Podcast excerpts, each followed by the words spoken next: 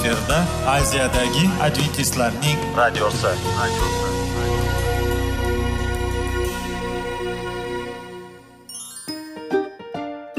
Assalomu alaykum aziz radio tinglovchilar. Sog'liq daqiqasi rubrikasiga xush kelibsiz.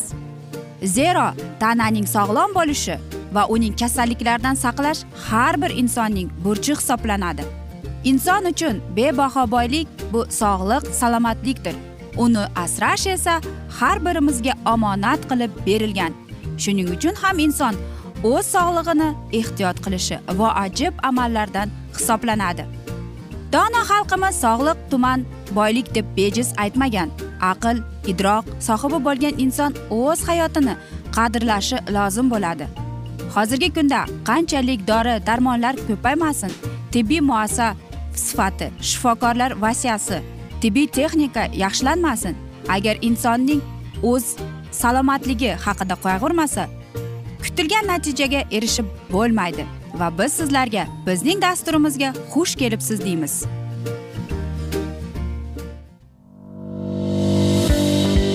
Sog'liq daqiqasi soliqning kaliti qiziqarli ma'lumotlar faktlar. Har kuni siz uchun foydali maslahatlar. Sog'liq daqiqasi rubrikasi Vegas.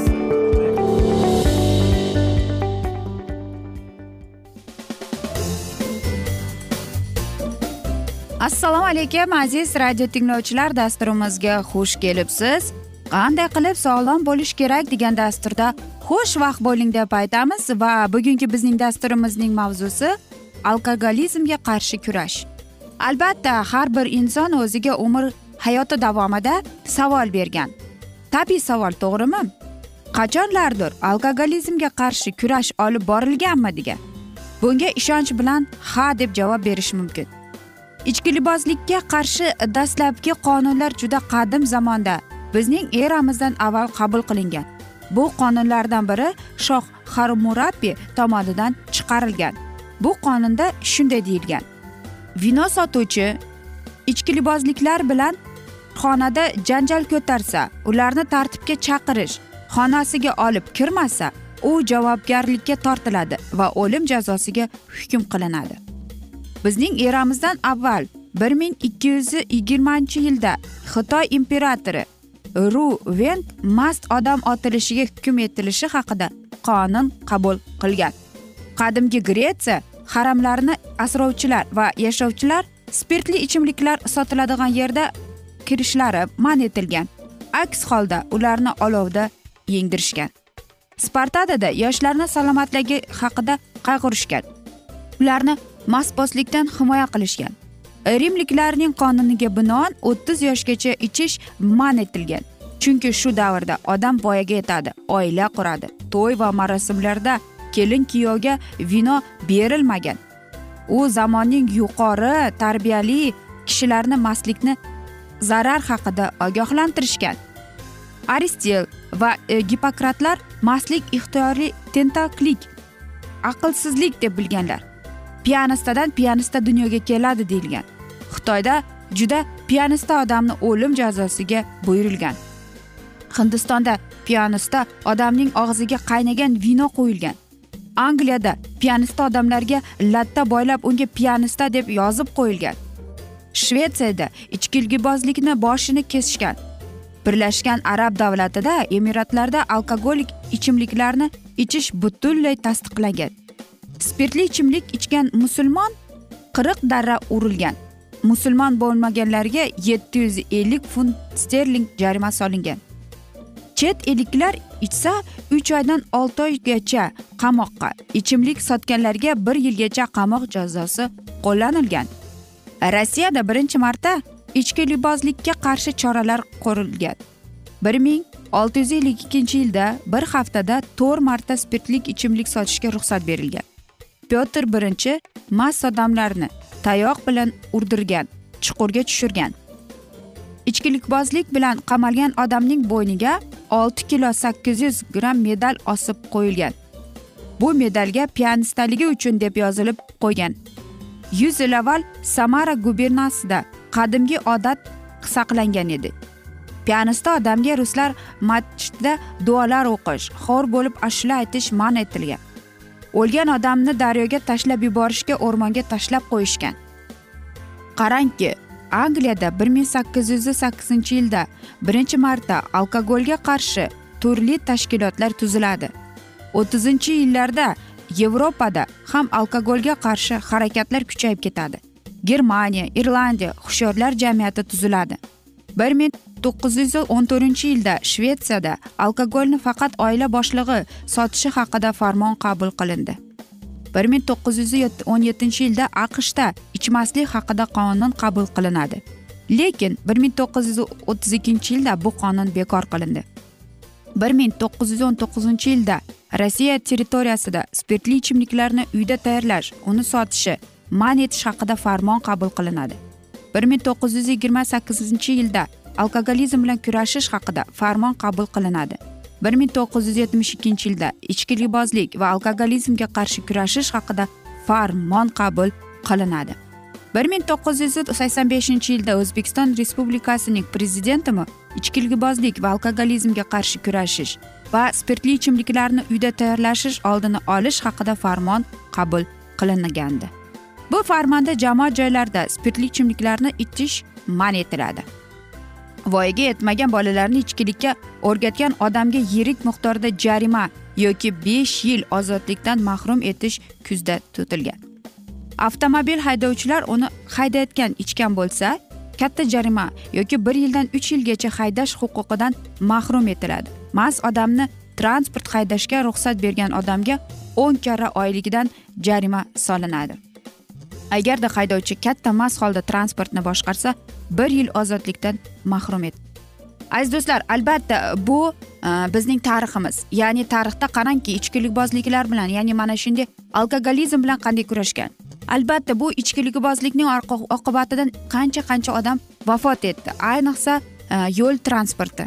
Ichib olib rulga o'tirib qancha qancha odamlarni umriga zavol bo'lgan.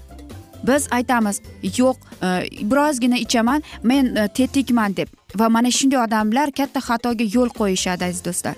Shuning uchun ham biz sizlarni sog'lom turmush tarziga chaqiramiz. Sog'lom bo'lish uchun chaqiramiz sizlarni. To'g'ri ovqatlanish jismoniy mashqlar aziz do'stlar. Va albatta kun tartibiga rioya qilish. Bu sizning sog'lig'ingiz. Bizning xalqimizda bejiz aytishmagan sog'lom odam boy odam deb. Axir siz sog'lom bo'lsangiz siz eng boy odam hisoblanasiz. Aziz do'stlar mana shunday asnoda afsus bugungi dasturimizni yakunlab qolamiz. Chunki vaqt birozgina chetlatilgan lekin keyingi dasturlarda albatta mana shu mavzuni yana o'qib eshittiramiz. Va sizlarda savollar tug'ilgan bo'lsa biz sizlarni salomat klub internet saytimizga taklif qilib qolamiz. Va umid qilaman bizni tark etmaysiz. Deb chunki oldinda bundanda qiziq va foydali dasturlar kutib kelmoqda sizlarni. Biz esa sizlarga va oilangizga sog'lik salomatlik tilagan holda xayr omon qoling deb xayrlashib qolamiz.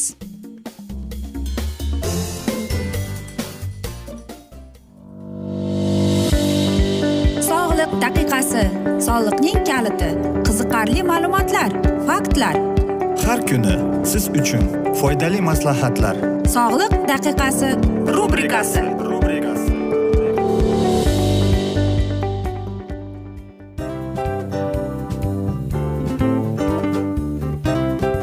mana ha hayotda hamma narsaning yaxshi narsalar tugaydi va yakunlaydi degandek bizning dasturimizga ham yakun keldi.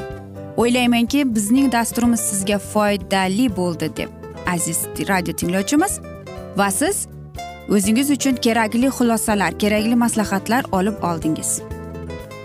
Aziz radio tinglovchimiz biz bilan qoling va keyingi dasturlarimiz albatta undanda qiziqroq bo'ladi. Mana shu alfozda sizlar bilan xayrlashib qolaman.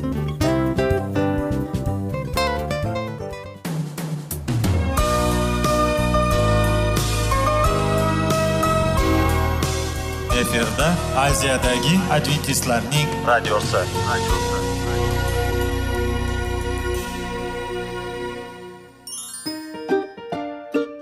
Assalomu alaykum aziz radio tinglovchilarimiz. Dil izhori dasturimizga xush kelibsiz. Pul insonni baxtli qiladimi? Albatta yo'q. Sog'liqchi. Albatta bo'lishi mumkindir. Lekin olimlar shuni isbotlashdiki to'liq va mukammal munosabatlar insonlarni baxtli qilar ekan. Albatta biz hayot davomida biz yaqin insonlar bilan odamlar bilan aloqada bo'lamiz va ular bilan munosabatlarimiz qanday kechadi qanday tuziladi? Yigit va qiz er va xotin ota ona va farzandlar va yaqin insonlar bilan. Balkim hozirgi vaqtda kimnidir hayoti yoki munosabatlari buzilyapti. Va bizning dasturlarimiz ularga yordam bo'ladi deb. Va oldinda sizlarni qiziqarli intervyular va mavzular kutyapti va biz umid qilamizki siz biz bilan qolasiz deb.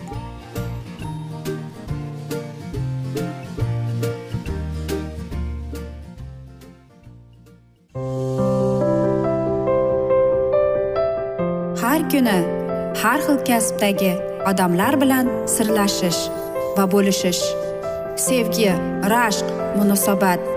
Bularni hammasi dil izhori rubrikasida.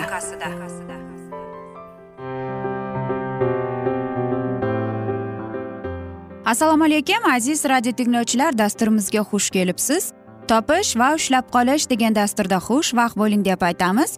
Va bugungi bizning dasturimizning mavzusi oilaviy ziddiyatlarning er va xotin va farzandlar taqdiriga ta'siri deb nomlanadi. Amalda er va xotin ajralishga ahd qilganda ular o'rtasida farzand bo'lmasa iftixiyo idoralariga murojaat qiladilar va ularning nikohi bekor qilinadi. Agar o'rtada farzand bo'lsa bu ishni sudlar hal qiladi lekin aksariyat hollarda o'z o'zini boshqarish organi bo'lmish mahalla va undagi yaratish komissiyasining e, a'zolari bo'lmish faollar bunga aralashadilar. Arzimagan sababi bilan ajrimlashga e, borayotgan yoshlarga Э, jamoatchilik manelik ko'rsatadi. Chunki milliy mentalitetda farzandni tirik yetim qilib qo'yish katta gunoh hisoblanadi. Shuning uchun azaldan urf bo'lgan tamoyil borki yosh oilaning keyingi taqdiriga kattalar aralashadi va oilaviy nizoning sabablari o'rganilgach bir qarorga kelinadi. Agar oilaviy nizo yoshlarning birinchi navbatda ayolning va farzandlarning salomatligi tinchligi va birgalikda yashashlariga jiddiy xavf solgan holatlarda ya'ni xiyonat tufayli bir birini kechirolmaslik erining tinimsiz alkogol iste'mol qilishi tufayli ayolni muntazam qiynashi maishiy zo'ravonlik oila byudjetiga erkak ulushining qo'shilmasligi kabi jamoatchilik ayolning haq huquqlarini himoya qiladi va mahallaning o'zi ayol uning farzandlari taqdirini belgilash ularni ijtimoiy himoya qilish maqsadida bu ishga aralashadi. Joylardagi xotin qizlar faollari oxirgi yillarda aynan shu masalalarda o'z o'zini boshqaruv organlarining odilona faolligini oshirishga alohida e'tibor berilib kelmoqda.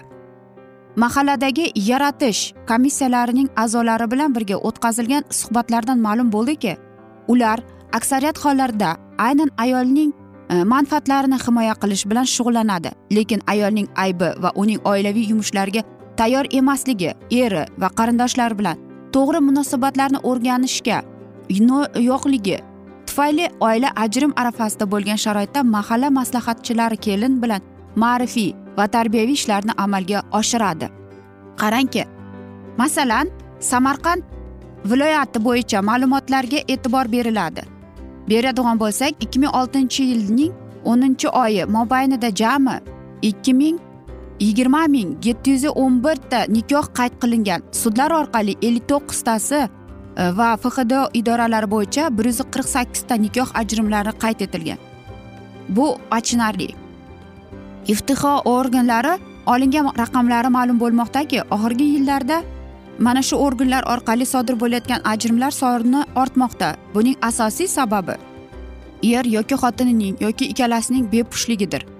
Milliy mentalitet nuqtai nazaridan qaralganda bir ikki yil ichida o'rtada farzandning bo'lmasligi ming afsuski yosh oilaning buzilishiga sabab bo'lmoqda. Bunda oilaning kattalari ko'proq salbiy rol o'ynaydi. Ya'ni bu borada sabrli munosabat hali e, shakllanmagan. O'zbekistonda e, nikoh ajrimlarining imkon darajada kam bo'lishi e, yo'lida olib borilayotgan ishlar o'zining natijalarini bermoqda. Yil sayin sudlar orqali nikoh ajrimlarini soning kamayib borayotganiga biz fikrimizga dalildir. Quyidagi jadvalda biz oxirgi yillarda nikoh va ajrimlar koeffitsient keltirilgan. Raqamlardan ko'rinib turibdiki mingta qayd etilgan nikohga nisbatan e, olinganda bir ming to'qqiz yuz sakson to'qqizinchi yilga nisbatan o'n to'rt foizga ikki ming oltinchi yilda ajralishning miqdori kamaygan va o'n mingi ya'ni mingtasidan aholi soniga nisbatan hisoblanganda ham ikki ming oltinchi yilda sal kam olti gramm promilni tashkil etadi deydi. Bu mdh orasidagi eng ijobiy ko'rsatkichlar. Lekin absolyut miqdorida hisoblanganda rasmiy nikohlar sonining oxirgi besh yil mobaynida o'sib borayotganligi nikohdan ajralishning absolyut miqdori esa aksincha kamayib borilayotgan. Albatta bu judayam achinarli hol. Lekin qanday qilib Э, biz agar sakson to'qqiz bilan ikki ming oltinchi yilda olsak u kamaygan ekan. Oilalarning miqdorining ortib borishi oxirgi yilda bu to'g'ri deydi. Va qarangki psixologik adabiyotlar ajrimlarning tabiatidanmi bu jarayonga oid qonunlarmi ilmiy nuqtai nazardan beriladi deydi. Xo'sh tushkunlikka tushkunishning bosqichi ajralishni xohlamagan tomon vaziyatni boshqara olmaydi deydi. Bo'yinga olish bosqichi ya'ni ajralishni xohlagan xohlamagan tomon endi mavjud holat bilan kelishib bunday nikohning bo'lganidan bo'lmagani ma'qulligini fikriga keladi. Albatta shuni ta'kidlash joizki ayrim hollarda ikkala tomon ongli ravishda o'zaro kelishib bir birlariga ta'na dashnom bermaydilar va bunday ajrimlar yuqorida ko'rsatilgan bosqichlarsiz sodir bo'ladi. Demokratik huquqiy davlat erkin fuqarolik jamiyati qurilayotgan davlatlarda ajrimlar masalasiga ham demokratik tarzda qaraladi. Ya'ni bu ikkala tomonning ham yoki birining manfaatiga mos kelishi inobatga olinib ajrim sodir etiladi. Lekin bunday holatlarda ayniqsa yosh bolasi bilan qolgan ona ijtimoiy psixologik yordamga jamiyat tomonidan ko'rsatilgan madadga muhtoj bo'ladi. Aziz do'stlar albatta bu achinarli lekin hozirgi davrga olib qarasak e, yoshlarimiz e, judayam bir aytaylik ilhomlangan bo'ladi. Shuning uchun ham oilan shuni unutmaslik kerakki bejizga ham aytishmaydi oila bu muqaddas dargoh deb shuning uchun ham aytmoqchimizki seving seviling deb aziz do'stlar va oilangizni saqlab qolasiz. Hamma narsaning ham ilojisi bor. Biz esa mana shunday asnoda afsuski bugungi dasturimizni yakunlab qolamiz chunki vaqt birozgina chetlatilgan. Lekin keyingi dasturlarda albatta mana shunday mavzularni yana davom ettiramiz. Va men o'ylaymanki bizni tark etmaysiz deb chunki oldinda bundanda qiziq bundanda foydali dasturlar kutib kelmoqda aziz do'stlar. Va biz sizlarga va oilangizga tinchlik totuvlik tilab va albatta aziz do'stlar seving seviling deb xayrlashib qolamiz.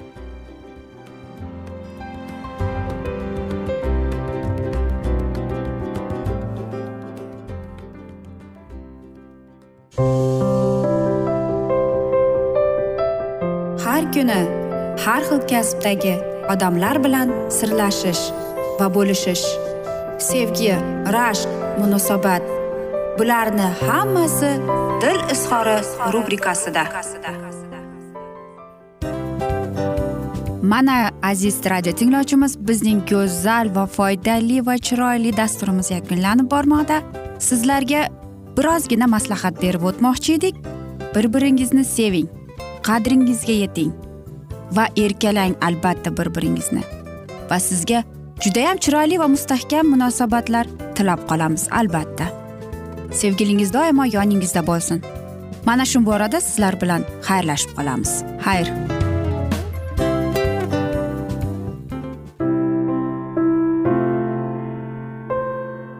Hayotning noni qiziqtirgan savollar va javoblar. Buning hammasi ko'ngil uchun oziqa rubrikasida.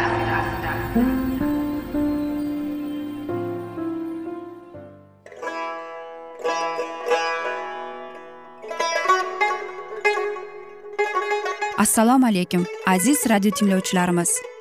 Ko'ngil uchun oziqa rubrikasida xush kelibsiz deymiz. Siz haqiqatni izlayapsizmi? Olamnimi umidnimi siz kimga murojaat qilmoqchisiz? Odamlar ko'pincha siyosat kuchiga tayanadilar. Dunyo iqtisodiyoti holati tobora chuqurlashib bormoqda. Tabiiy ofatlar va texnogen halokatlar minglab insonlarning hayotini olib ketib juda katta zarar yetkazmoqda. Sizga abadiy hayot inomini hadya qiluvchi va hayotingizni tubdan o'zgartiruvchi haqiqatni izlab toping. Xudo haqidagi haqiqat uning kalomida mujassamlashgan. Kimki bu haqiqatni butun qalbi bilan izlasa albatta unga yetishadi. Bu sevgi xudoning tarixidir. Hayotingizda yoki sizning yon atrofingizdagi olamda nimalar yuz berishidan qat'iy nazar? Siz ertagi kunga buyuk umid va ishonch hosil qilishingiz mumkin. Hozirda xudo sizga taklif qilayotgan umid ishonchga o'z qalbingizni oching va sizni qiziqtirayotgan mavzularni savollaringizga javoblaringizni topib olasiz deb umid qilamiz. Biz bilan qoling.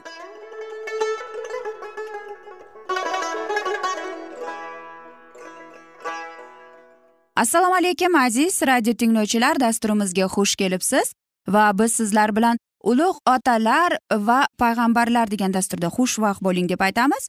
Va bugungi bizning dasturimizning mavzusi ibrohim kanonda deb nomlanadi. Va biz sizlar bilan o'tgan galgi mavzuni bugun davom ettiramiz. O'sha joyda xudovand sharafiga qurbongoh tikladi. Sadum uvaydaning xatarli boyliklarini lutga qoldirib ibrohim alayhissalom oddiy hayotni tanladi. Uning hayoti tabiatning erkinligida o'tardi. Tepaliklarni aylantirib olgan keng yam yashil yaylovlarda shabadadan to'lqinganday bug'doy dalalarida tog'lar etagida ulug' g'or va uzumzorlar ichida. Ibrohimning atrofida yashagan qo'shni xalqlar uni qudratli amir hikmatli oddiy bo'lmagan dohiysi sifatidan olib juda hurmat qilardilar. Ibrohim qo'shnilardan o'zini chetga olmas edi lekin uning hayoti va o'zi ham haqiqiy imonning tirik shohidi bo'lib majusiylarning hayot tarzidan keskin suratda ayrilib turardi. U xudoga behad sodiq edi. Uning muomala qilishi va mehribonligi atrofdagilarda ishonch va do'stona vaziyat tug'dirardi. Samimiy yuksalligi esa izzat ikromni va munosabatga yo'l ochardi. U iymonini faqat o'zi lazzat topish uchun nodir xazinasini yashirganda rashq etib yashirmadi. Haqiqiy din istaklaganlarga ochiq munosabatga loyiqdir. Agar yuragimizda masih muqaddas ruh bilan yashasa uning hozirligi bekitib bo'lmaydi va yorug'ligini qorong'ilashtirib ham bo'lmaydi. Aksincha adolat quyoshning hayotibaxsh nurlari odam jonini qurshab olgan gunoh va xudparastlikning qalin zulmatini tarqatgan sari u kundan kunga yorug'lanib yarqiraydi. Ilohiy xalq yer yuzida xudovandning vakili ekan. Uning farzandlari bu dunyoviy ma'naviy zulmati ichida mashal bo'lishlarini u xohlaydi. Butun yer yuziga tarqalgan shaharlarda qishloqlarda har bir odam bor joyda ular ilohiy shohidlar va ular orqali u imonsizlarga o'z irodasini va inoyatining ajoyib botlarini e'lon etadi. Uning irodasi shundaki buyuk najot rejasidan bahramand bo'lganlar. Uning targ'ibotchilari bo'lsinlar edi. Mahsiylarning din dunyoti namuna bo'lib uning orqali imonsizlar xush xabar to'g'risida o'z fikrlarini tuzatadilar. Bashariy tabiat amri bilan yashagan va o'zini sevadigan yurakni tim qorong'ulik bosgan paytda sabr toqat ila boshdan kechirilganligi minnatdorchilik ila olingan inoyatlar har kungi hayotda namoyon bo'lgan kamtarlik va qarangki saxiylik mehribonchilik va sevgi masihiyning najosi nur sochar qilinar edi. Chuqur imonli saxiylikda oliyjanob itoat etishda mard hayotning musofirligida oddiy va kamtar ibrohim alayhissalom qo'shnilari bilan munosabatda bo'lganida donoligi bilan farqlanadi. U jasur askar bo'lib to'g'ri hal qilish yo'lini topishda juda qobiliyatli edi. Ibrohim istiqomat topgan amuriylar tekisligining hokimlari ular uch aka uka bo'lib atrofdagi shaharlarning podshohlari edi. Ibrohimni yangi dinning targ'ibotchisi deb bilardilar. Shunga qaramay ular ibrohimga o'z do'stona muomalasini namoyon etdilar va umumiy xavfsizlikni himoya qilish uchun bitim tuzdilar. Zero zo'ravonlik va siquvlar mamlakatda haddan tashqari olib oshib ketgan edi. Tezda yuz bergan hodisalar uni iqtivodosh huquqi ila foydalanishga majbur qildi. O'sha zamonda elam podshohligida qadr loumer hukmronlik qilardi. U o'n to'rt yil oldin kanonga hujum qilib bu mamlakat unga qaram bo'ldi. Amirlardan g'ayvurlari g'azablanganlarida elam podshosi to'rtta ittifoqdoshlari bilan isyonni bosmoqchi bo'ldi. Beshta qanonning amirlari kuchlari bilan birlashib asir olganlarga sidim vodiysida qarshi chiqdilar lekin mag'lubiyatga uchradilar. Qutulib qolganlari esa tog'lar orasiga qochib ketdilar. To'rttala podshoh esa shaharlarning butun boylik va ozuqalarini talab ket qilib ketdi. O'zlari bilan asirlikka ko'plarini oldilar. Ularning ichida ibrohimning jiyani lut oilasi va butun mol mulki bilan asir tushdi. Ibrohim mamri boludzori yonida tinchgina yashagan paytida unga bo'lib o'tgan hodisalar va jiyani asirlikka olgani to'g'risida xabar yetib keladi uning yuragida lutga nisbatan noxush hissi yo'q edi. Aksincha jiyanini sevgani uchun uni qutqarmoqchi bo'ldi. Eng oldin ilohiy nasihatni esiga olib u jangga tayyorgarlik ko'ra boshladi. O'zining uyida tug'ilib xudoga itoat qilishda tarbiyalangan odamlardan u uch yuz o'n sakkiz e, E, yerni tanladi. Ular o'z janobiga bo'ysunarli va harbiy xizmatga o'rgatilgan edilar. Ibrohim iqvodoshlari mamri eshaqqul va oner o'z odamlari bilan unga qo'shildilar va hammasi bo'lib bir podshohlarini orqasidan ketdilar deydi. Elam podshohi qadrulomer shu payt o'z odamlari bilan qanonning shimoliy chegarasida bo'lgan dan shahrida to'xtagan edi. G'alaba qozongandan keyin tantana qilib u mag'lubiyatga uchragan dushman tomonidan hujumni kutmas edi. Ibrohim podshoh joylashgan shaharni aylantirib olish uchun odamlarini bo'ladi va kechasi hujum qiladi. To'satdan kutmaganda ibrohim shaharga kirib keldi va tezda dushmanini tormor qilib tashladi.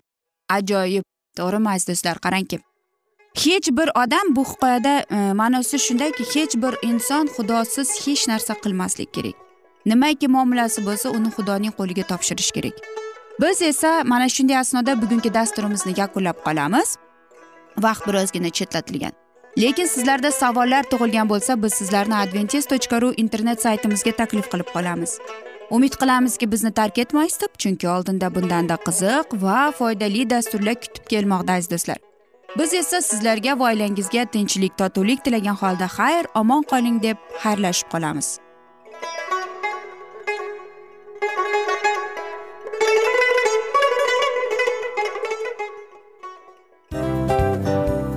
Hamma narsaning yakuni bo'ladi degandek afsuski bizning ham dasturlarimiz yakunlanib qolyapti. Va biz o'ylaymizki bizning dasturimizdan o'zingiz uchun kerakli va foydali maslahatlar olib oldingiz. Sog'liq borasida sizga foydali maslahat berganmiz deb umid qilaman albatta. Va sizlarga mana shu borada sog'liq tilab qolaman. Munosabatlarga kelganda esa sizlarga sevgi omad va albatta yaxshi munosabatlar tilab qolamiz. Uchinchisiga kelganda esa bu juda chuqur va e'tiborli nazarni qumsaydi. Va sizlarga mana shu yaxshilik kayfiyatda sizni kayfiyatingizni ko'targan holda sizlar bilan xayrlashib qolaman afsuski. Ammo lekin keyingi dasturlarimiz undanda qiziq bo'ladi. Va siz biz bilan bo'ling bizni tanlaganingiz uchun sizlarga rahmat. Omad sizlarga xayr.